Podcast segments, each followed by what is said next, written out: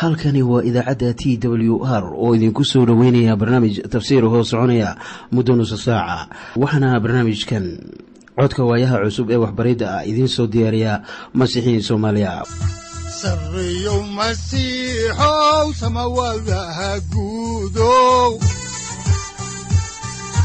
Siraadkii adduunkow subanaha eebow sareyow masiixow samawadaha guudow siraadkii adduunkow subanaha eebow adigoo samaada jiro ifkaan soo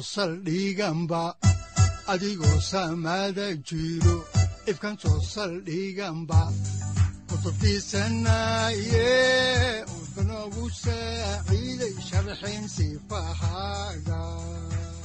ku dhowaada dhegaystayaal barnaamijkeenna dhammaantiinba.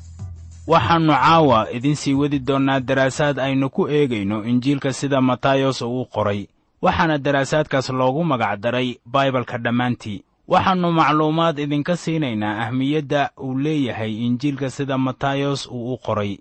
Waxaanan caawa soo gunaanadi doonnaa cutubka sagaalaad haddaba mawduucyada cutubkani uu ka kooban yahay waxa ay kala yihiin kow. Ciise oo samaynaya lix mucjiso labo u yeedhistii matayos saddex qancistii farrisiinta iyo afar ciise oo ka sii wada howshiisii galilii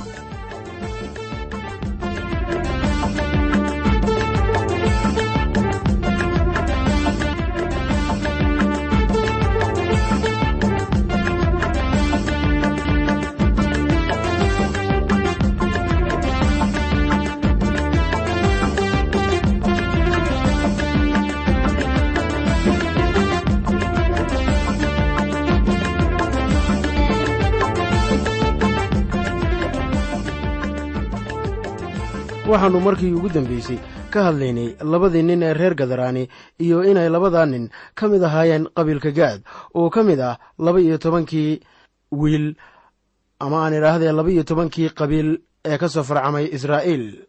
Waxaan idiin sheegnay in dhaqankoodii isbeddelay oo ay dhaqan jireen doofaarada oo aan caado ama hiddo u ahayn reer binu israa'iil intiisa kale. Haddaba markii ciise soo galay waddankan waxa uu la kulmay laba nin oo jinni qaba. Turjumaadda qaar ayaa ku fasirta ibliis ama shaydaan ha yeeshee kelmadda ku habboon waxa weeye jinni. Nimankaas waxay ahaayeen niman khatar ah oo jinni qaba. Haddaan halkii ka sii wadno ama ka sii ambaqaadno caawi kitaabka axdiga cusub ayaa waxaa ku qoran injiilka. Sida matayos qoray cutubka siddeedaad aayadda sagaal iyo labaatanaad sida tan. Way qayliyeen iyagoo leh maxaa inoo dhexeeya wiilka ilaahow. Ma waxaad halkan u timid inaad wakhtiga hortiis na silciso mucjisadan waxa ay daboolka ka qaaday xaal nasiib darro aynu ka garanayno wax yar maanta. Way inugu adag tahay inaan fahanno muhiimadda mucjisadan iyadoo ay ugu wacan tahay fahamka yar ee aynu ka haysanno jinniyada. Shakhsiyan waxaan rumaysanahay in mucjisadan jinni saarista ay tahay tii ugu weyneed ee uu sameeyey. Haddaan halkii ka sii wadno kitaabka ayaa waxaa ku qoran cutubka siddeedaad aayadaha soddon ilaa koob iyo soddon sida tan. Waxaa iyaga ka fogaa daaqsin doofaaro badana oo daaqaysa.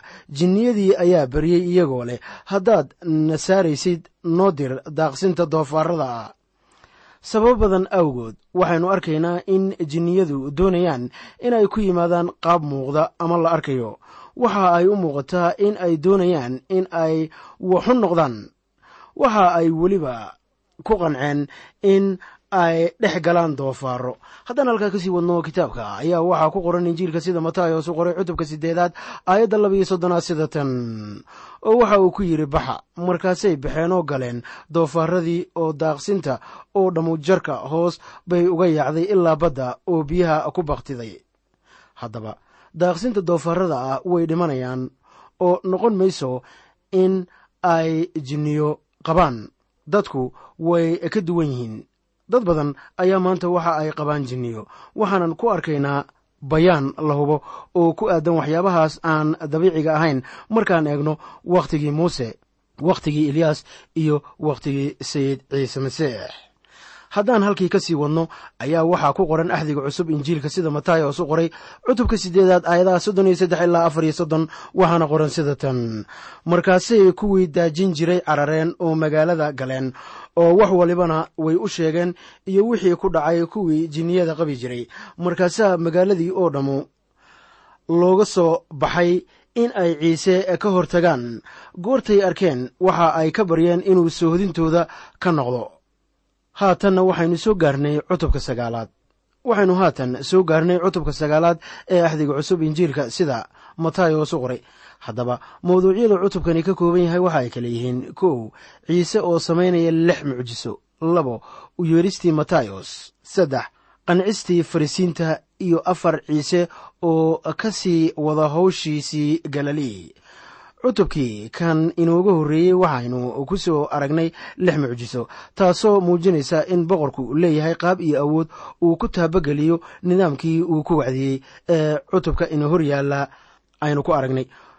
Ama aan ku arki doonno aan idhaahdee waxa uu ku soconayaa isla fikraddaas. Waxaynu arkaynaa isaga oo samaynaya mucjiso xagga jirka ah iyo mid aan ku tilmaamay inay tahay wax dhaafsiisan dabiicadda oo ah isaga oo qof ka sara kiciyey dhimashada iyo mucjisada jinnisaarista haatanna aynu eegno maaddadan ugu horraysa ee ah ciise oo ku soo noqday kafarna'uum haddaan idiin bilowno aayadda koowaad ee injiilka sida matayos u qoray cutubka sagaalaad ayaa waxaa ku qoran markaasuu doonni fuulay oo dhanka kale u tallaabay oo magaaladiisii yimid ciise waxa uu ka tegey dalkii gadarani kuwaas oo aan doonayn isaga oo waxa uu ku soo noqday kafarna'uum haddaan halkaa ka sii wadno ayaa waxaa ku qoran aayadda labaad ee isla cutubkan sagaalaad sida tan. Kolkaasay waxay u keeneen nin cuuryaana oo sariir ku jiifa. Ciise oo rumaysadkooda arka ayaa ninkii cuuryaanka ahaa ku yidhi wiilkow kalsoonow dembiyadaadu waa kaa cafiyan yihiin. Faallo. Waxaa layna siiyey faallo isla qisadan ama dhacdadan ah oo ku qoran injiilka sida maarkos u qoray. Markos waxa uu inoo sheegayaa sidii ninkan looga soo bixiyey saqafka guriga. Sayidkuna wuu bogsiiyey oo ka cafiyey dembiyadiisii. Bogsiinta iyo cafinta dembigu waa wada socdaan. Haddaan halkaa ka sii wadno ayaa waxaa ku qoran injiilka sida matayos u qoray cutubka sagaalaad aayadda saddexaad sida tan. Kolkaasaa qaar culimmada ah waxa ay isku yidhaahdeen ninkan wuu caytamayaa culimmadan waxa ay la ahayd in sayidka uusan awoodaynin inuu ninkan socodsiiyo. Sayidka oo garanaya fikirada qalbigooda iyo sharka niyadahooda ku jira ayaa weydiiyey sida ku qoran aayadda shanaad ee isla cutubkan. Iyomaa howl yar in la yidhaahdo dembiyadaadu waa cafiyan yihiin ama in la yidhaahdo kac oo soco haddaba su'aashiisa ka jawaabi maayaan laakiin haddii ay ka jawaabi lahaayeen waxay sida abaarta odhan lahaayeen. Waa isugu keen mid haddaba. Haddaan halkaa ka sii wadno xigashada kitaabka ayaa waxaa ku qoran injiilka sida matayos u qoray cutubka sagaalaad aayadaha lix ilaa toddoba sida tan. Laakiin si aad ku garataan in wiilka aadanuhu dhulka ku leeyahay amar uu dembiyada ku cafiyo markaasuu kii cuuryaanka ahaa ku yidhi kac oo sariirtaada qaado oo gurigaaga tag. Markaasuu kacay oo gurigiisii tegey markii ninkan cuuryaanka ah sare joogsaday oo socday ayaa taasu ka macno tahay kan socodsiinaya cuuryaanka inuu yahay kii dembigiisa cafiyi karay. Saaxiib aniga iyo adiga dembiyadayada ma cafiyi karno. Ciise oo keliya ayaa sidaa samayn karaya. Innagu ninna dembi kama cafiyi karno haatanna aynu eegno maaddada ah ciise oo u yeeraya matayos. Haddaan halkaa ka sii wadno kitaabka ayaa waxaa ku qoran injiilka sida matayos u qoray cutubka sagaalaad aayaddiisa sagaalaadoo leh. Ciise kolkuu meeshaas ka tegey intuu socday ayuu wuxuu arkay nin la ohan jiray matayos oo fadhiya. Meeshii cashuurta lagu qaado oo waxa uu ku yidhi soo raac. Markaasuu kacay oo raacay. Matayos si asluub leh ayaa uu kaga hadlay u yeeristiisii isaga oo ku soo koobaya aayaddan oo keliya. Luukos ayaa inoo sheegaya in matayos uu sameeyey casho uu ku sharfayey ciise sida ku qoran injiilka sida luukos u qoray cutubka shanaad aayadaha toddoba-iyo labaatan iyo ilaa sagaal iyo labaatan aan idhaahdee. Sida cad dhacdadan soo socota waxa ay ka dhacday cashadii matayos sameeyey matayos waxa uu cashadan ku casumay qaar badan oo ka mid ah cashuur qaadayaashii waayo waxa uu doonayey in iyaguna ay wax ka ogaadaan sayid ciise masiix. Haddaan halkaa ka sii wadno xigashada kitaabka ayaa waxaa ku qoran injiilka sida matayos u qoray cutubka sagaalaad aayadaha toban ilaa koob iyo toban waxaana qoran sida tan. Waxaa dhacay goortii ciise guriga cunto u fadhiistay in cashuurqaadayaal iyo dembiilayaal badanu yimaadeen oo ay la fadhiisteen ciise iyo xertiisa. Goortii fariisiintu arkeen ayaa ay xertiisii ku yidhaahdeen macallinkiinnu muxuu cashuurqaadayaasha iyo dembiilayaasha ula cunaa? Fariisiintu ma ay rumaysnayn inay wax la cunaan cashuurqaadayaasha iyo dembiilayaasha wadaaddo badan oo maanta jira sidaas oo kale ayaa ay rumaysan yihiin wax dhaawac ah kuu geysan mayso in aad casumaad u fidiso dembiilayaasha waayo iyagu waa kuwo la doonayo in masiixa loo keeno. Waxaan u baahannahay inaan xiriir la yeelanno dembiilayaasha haddaan horay u sii ambaqaadno injiilka sida matayos u qoray cutubka sagaalaad aayadda labayo tobanaad ayaa waxaa qoran. Laakiin goortuu maqlay waxa uu yidhi kuwa ladan dhakhtar uma baahna laakiin kuwa buka ayaa dhakhtar u baahan.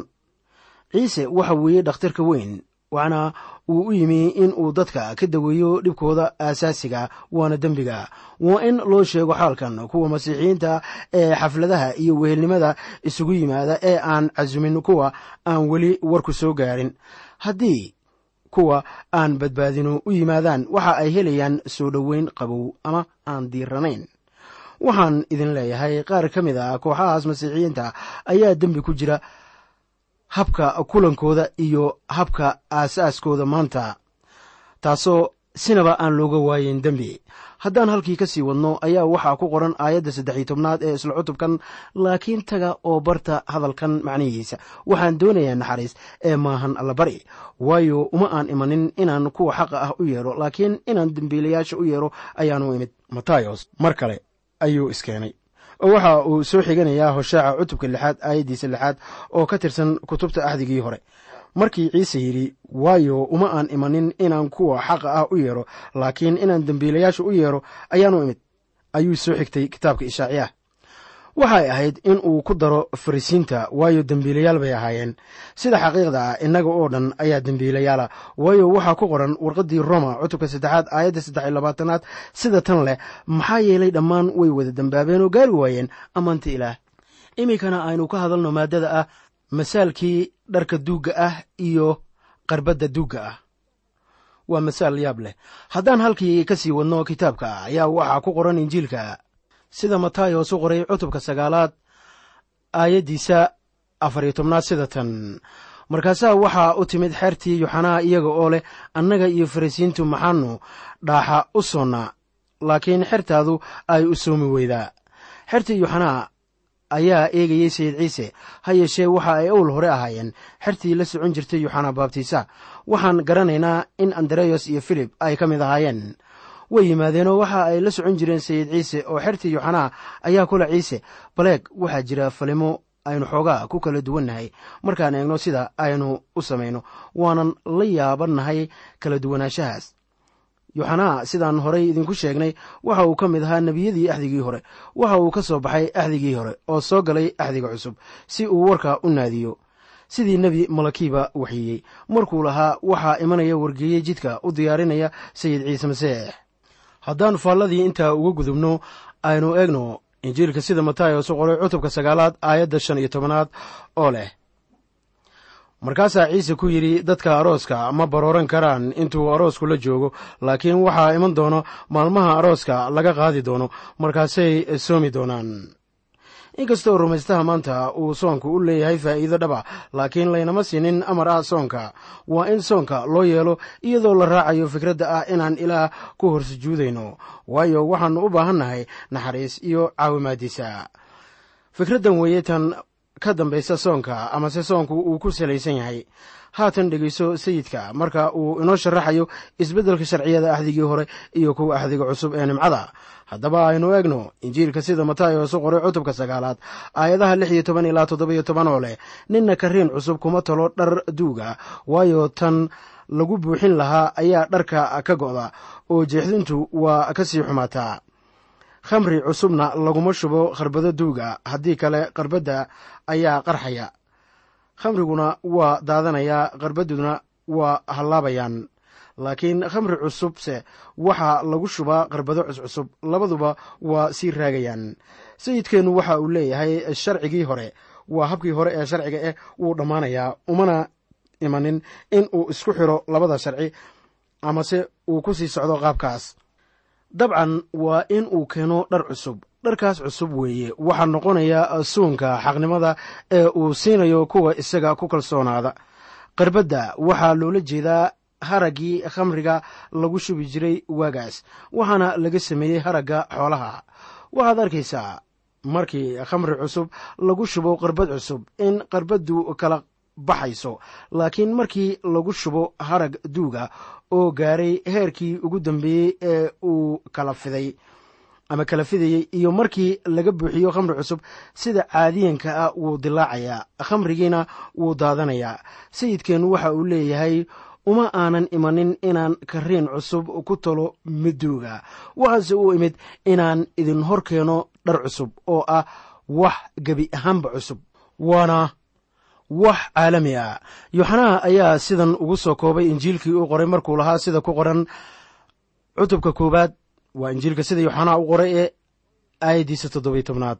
Waayo sharciga waxaa loo soo dhiibay muuse laakiinse nimcada iyo runtu waxa ay ku yimaadeen ciise masiix haatanna aynu eegno maaddada ah ciise oo bogsiiyey haweeney oo waxa uu dhimashada ka silsiro kiciyey gabar yar. Waxaannu haatan soo gaarnay mucjisadii siddeedaad iyo tii sagaalaad kuwaasoo qidca ahaan laysku xidhay labaduba waa mucjisooyin bogsiina waana umuur yaa badan. Haddaan ku soo noqonno kitaabka ayaa waxaa ku qoran injiilka sida matayos u qoray cutubka sagaalaad aayaddiisa siddeed iyo tobanaad sida tan. Intuu waxaan kala hadlayey waxaa u yimi taliye oo u sujuuday oo ku yidhi gabadhaydu haddeer bay dhimatay laakiin kaalay oo gacantaada saar oo way noolaanaysaa. Injiilka sida luukos u qoray ayaa inoo sheegaya markii taliyuhu u yimi ciise ayaa la weydiistay inuu gabadha bogsiiyo haddaan idiin akhriyo injiilka sida luukos u qoray cutubka siddeedaad aayadaha koob iyo afartan ilaa laba afartan ayaa waxaa qoran oo baleeg. Waxaa yimi nin yeyiroos la ohan jiray oo taliyaha sinagoga ahaan jiray waxna uu isku riday ciise cagihiisa oo ka baryey inuu gurigiisa galo. Waayo gabadh keliya buu lahaa iyadoo abbaaraha laba iyo toban sannadood jirtay wayna sakaraadaysay laakiin intuu socday dadkii badnaa ayaa cidhiiriyey gabadhan yar dhimasho ayaa ay ku dhoweyd oo markii aabbaheed sugayey inuu ciise masiix la hadlo ayaa waxaa isagii u yimi addoonkiisiiyo waxa uu u sheegay in gabadhiiba ay dhimatay. Haddaan halkii ka sii wadno ayaa waxaa ku qoran injiilka sida matayos u qoray cutubka sagaalaad aayadda sagaal iyo tobanaad sida tan leh. Markaasaa ciise kacay oo raacay isaga iyo xertiisiiba. Ciise iyo xertiisiiba way kaceen. Inay yeyros u raacaan gurigiisii oo waxaa halkaa isugu soo ururay dad tiro badan oo ku soo xoomay haddaan halkii ka sii ambaqaadno kitaabka ayaa waxaa ku qoran aayadda labaatanaad sida tan. Kolkaasaa naag laba iyo toban sannadood dhiigbixid qabtay ay dhabarkiisa timi oo taabatay maradiisii darafteeda. Waxaan garanaysaa ama aan garanayaa aniguba sida qidcadanu u yaa badan tahay. Gabadhii yarayd waxa ay jirtay laba iyo toban sannadood. Naagtuna waxa ay ka dhibaatoonaysay dhiigbixid laba iyo toban sannadood waxaa gabadhan laba iyo toban jirka ah ka tegayey iftiinkii nolosha oo laba iyo toban sannadood oo gudcur ah ayaa soo idlaanaysay oo iftiin baa soo gelayey noloshii naagtan.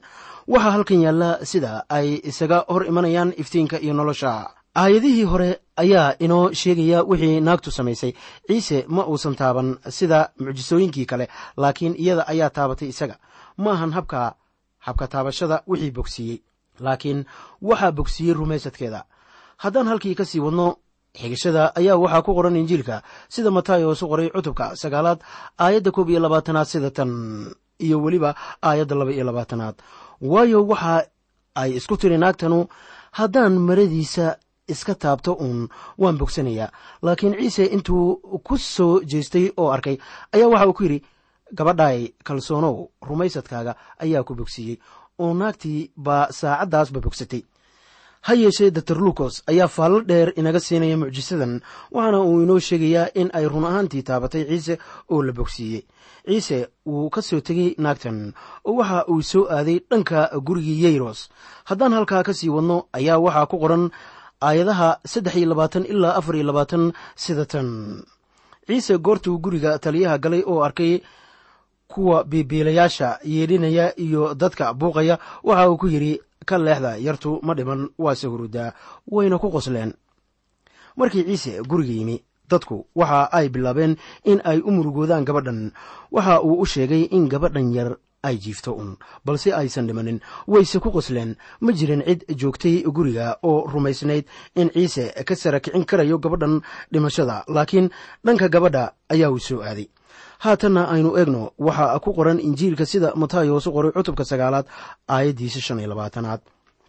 Laakiin markii dadkii badnaa la saaray ayuu galay oo gacanteeda qabtay yartiina way kacday. Waa xilligan markii ugu horreysay ee ciise dad ka sare kiciyey dhimashada.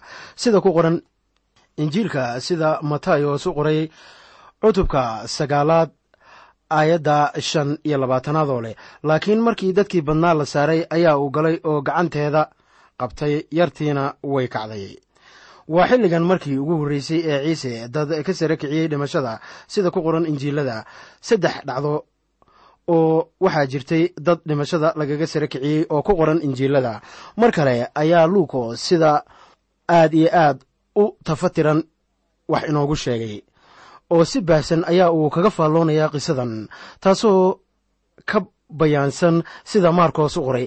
Luukos waxa uu ku darayaa in uu gabadhan yar ula hadlay qaabkan isagoo ku leh yartooy kac. Haddaba habka ciise dadka uga sare kicinayay dhimashada waxa uu ahaa mid isku mid ah. Qofka ayaa uu si toosa ula hadlayaa kadib markii uu haweenaydii ka bogsiiyey dhiigbixidda oo uu gabadhii yeyros dhimashada ka sare kiciyey ayaa magacii ciise faafay. Haddaan halkaa ka sii wadno ayaa waxaa ku qoran aayadda lix iyo labaatanaad sida tan leh markaasaa warkaasu dalkaas oo dhan gaaray. Ku soo dhowaada haatanna qhasiido yar oo alla ammaan ah waxaa haatan la soo gaaray maaddadii kale ee ahayd ciise oo indhaha u furaya laba nin oo indhoolayaal ahaa. Mucjisadii tobanaad waxa ay khusaysay laba nin oo indhoolayaal ahay oo soo raacay sayid ciise masiix haddaan xigashada idiin bilowno ayaan idiin sheegayaa waxaa ku qoran injiilka sida matayos u qoray cutubka sagaalaad aayadda toddoba iyo labaatanaad oo leh ciise intuu meeshaas ka tegayey waxaa daba socday laba nin oo indhala iyaga oo qaylinaya oo leh ina daa'uudow noo naxariiso. Waxaad haddaba ogaataa in labada nin ay ugu yeeraan isaga ina daa'uudow magacaas ahmiyad buu u leeyahay injiilkan kaasoo ciise u muujinayo sida inuu yahay boqor. Haddaan halkii ka sii wadno ayaa waxaa ku qoran injiilka sida matayos u qoray cutubka sagaalaad aayadaha siddeed iyo labaatan iyo soddon sida tan leh goortuu guriga galay ayaa nimankii indhaha la'aa u yimaadeen. Markaasaa ciise waxa uu ku yidhi ma rumaysantihiin inaan waxaan yeeli karo. Waxa ay ku yidhaahdeen hah sayidow markaasuu indhahooda taabtay isaga oo leh sida rumaysadkiinnu yahay ha idiin noqoto. Markaasaa indhahoodii furmeen. Ciise aad buu u amray oo ku yidhi iska jira ninna yaanu ogaan. Warkiisii faafay aawadeed ayaa dadkii isaga isku soo riixayeen oo waxa ay hakinayeen howshiisii haddaan halkii ka sii wadno ayaa waxaa ku qoran aayadda xigta ee koob iyo soddonaad sida tan leh laakiin iyagu way baxeen oo warkiisii ku faafiyeen dhulkaasoo dhan. Nimankan araggoodii helay mar kale farxaddoodii ma ayan qarin karin warkiisii ayay meel waliba gaarsiiyeen. Iminkana aynu ka hadalno maaddada ah ciise oo bogsiinaya nin carabla oo jinni qaba waxaannu haatan soo gaarnay mucjisadii koob iyo tobanaad. Haddaba nin kale oo jinni qaba ayaa la bogsiiyey. Tanuna waxay ahayd dhacdadii saddexaad ee jinniqabayaasha ku qoran cutubkan siddeed iyo cutubkan sagaalaad ee injiilka sida matayos u qoray. Waa cutubyada siddeed iyo sagaale haddaan halkii ka sii wadno faallada kitaabka axdiga cusub ayaa waxaa ku qoran injiilka sida matayos u qoray cutubka sagaalaad aayadaha laba iyo soddon ilaa saddex iyo soddon sida tan kolkay baxeen baleeg waxaa loo keenay nin carabla oo jinni qaba oo goortii jinnigii la saaray ninkii carabka la'aa waa hadlay. Dadkii badnaana way yaabeen oo waxa ay yidhaahdeen sidaasoo kale israa'iil weligeed laguma arag. Waxaad halkan ka eegtaa wixii fariisiintu kaga jawaabeen mucjisadaas. Haddaan halkii ka sii wadno ayaa waxaa ku qoran aayadda afar iyo soddonaad sida tan. Laakiin fariisiintii waxa ay yidhaahdeen waxa uu jinniyada ku eriyaa madaxda jinniyada ma aysan diidin in uu ninkii carabka la'aa hadalka ka keenay iyo kuwa indhaha la'aa inuu indhaha u furay oo cuuryaankiina uu socodsiiyey. Wixii ay ku eedeeyeense waxay ahayd in uu waxyaabahan ku sameeyo awoodda shayddaanka haddaan halkaa ka sii wadno ayaa waxaa ku qoran injiilka sida matayos u qoray cutubka sagaalaad aayadda shan iyo soddonaad sida tan. Ciise waxa uu ku wareegay magaalooyinka iyo tuulooyinka oo dhan oo sinagogyadooda ayaa uu wax ku barayey oo injiilka boqortooyada ku wacdiyeyey oo bugto walba iyo cudur walba ayaa uu bogsiinayay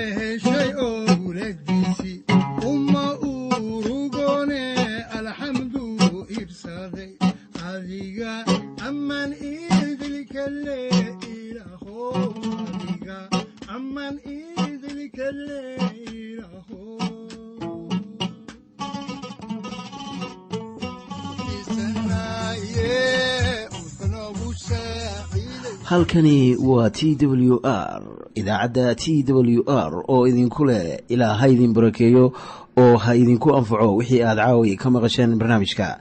Waxaa barnaamijkan oo kalaa maqli doontaan habeen dambe hadahan oo kale haddiise aad doonaysaan in aad fikirkiina ka dhiibataan wixii aad caawi maqasheen ayaad nagala soo xiriiri kartaan som t w r at t w r c o k e dhegaystayaal haddii aad doonaysaan inaad mar kale dhegaysataan barnaamijka fadlan mar kale booqo www t t b o r g ama www t w r o r g halka sare waxaad ku arkaysaa markii aad gasho language ama luuqadda waxaana dooranaysaa soomaali. Haddii aad doonaysaan in aad dejisataan oo kaydsataan barnaamijka ama aad mar kale dhegaysataan fadlan mar kale booqo www t t b t w r o r g ama www t w r o r g haddii aad doonayso in laga kaalmeeyo dhinacyada fahamka kitaabka amase aad u baahan tahay duco fadlan fariimahaaga soo mari bogga aaraahda ama kommentska inana jawaab degdeg ah ayaanu ku soo diri doonaa amase ku siin doonaaye sareyow masiixow wihiyow saacadda timid dhulka sabada ku dhalatiyo